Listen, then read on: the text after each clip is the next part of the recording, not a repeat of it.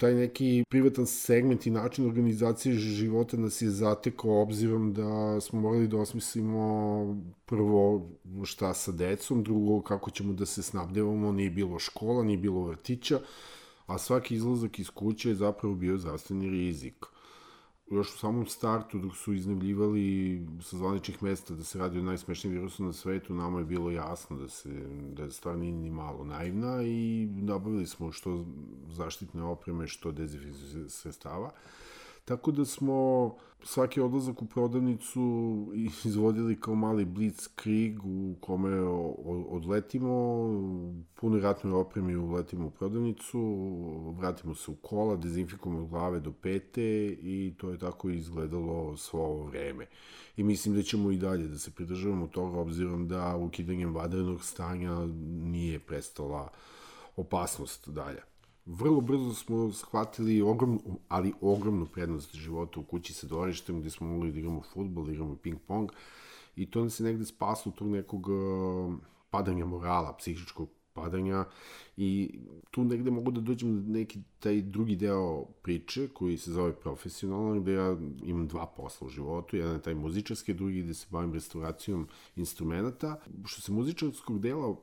moje ličnosti tiče, navikao sam na samoizolaciju i nije mi teško palo da nemam kontakte sa drugarima, sa, sa, sa prijateljima u tom smislu fizičke kontakte, a svi smo naravno bili online non stop I kada pričamo o tom online-u, vrlo brzo su se pojavile sjajne inicijative i na društvenim mrežama smo mogli da vidimo svašta lepo što su muzičari uradili. Jasno je da će ovaj online način saradnje postati standard u vrlo bliskoj budućnosti i da ćemo se manje muvati po studijima, više ćemo se oslanjati na naše kućne uslove snimanja ali će to svakako doneti novu energiju i novu percepciju i nov osjećaj u stvaranju i pretpostavljam da ćemo svedočiti vrlo zanimljivim projektima koji će nastati na ovaj način.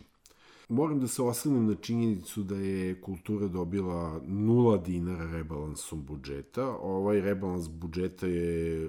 vlada Srbije donela u cilju oporavka u srpske privrede, a zapravo tih nula dinara, odnosno potpuno zanemarivanje kulture, nije ni zanemarivanje, nego je skinuto 2,7 milijardi. I za kraj dolazimo do priče koje mene najviše ljudski pogađa, a to je potpuna egzistencijalna neizvesnost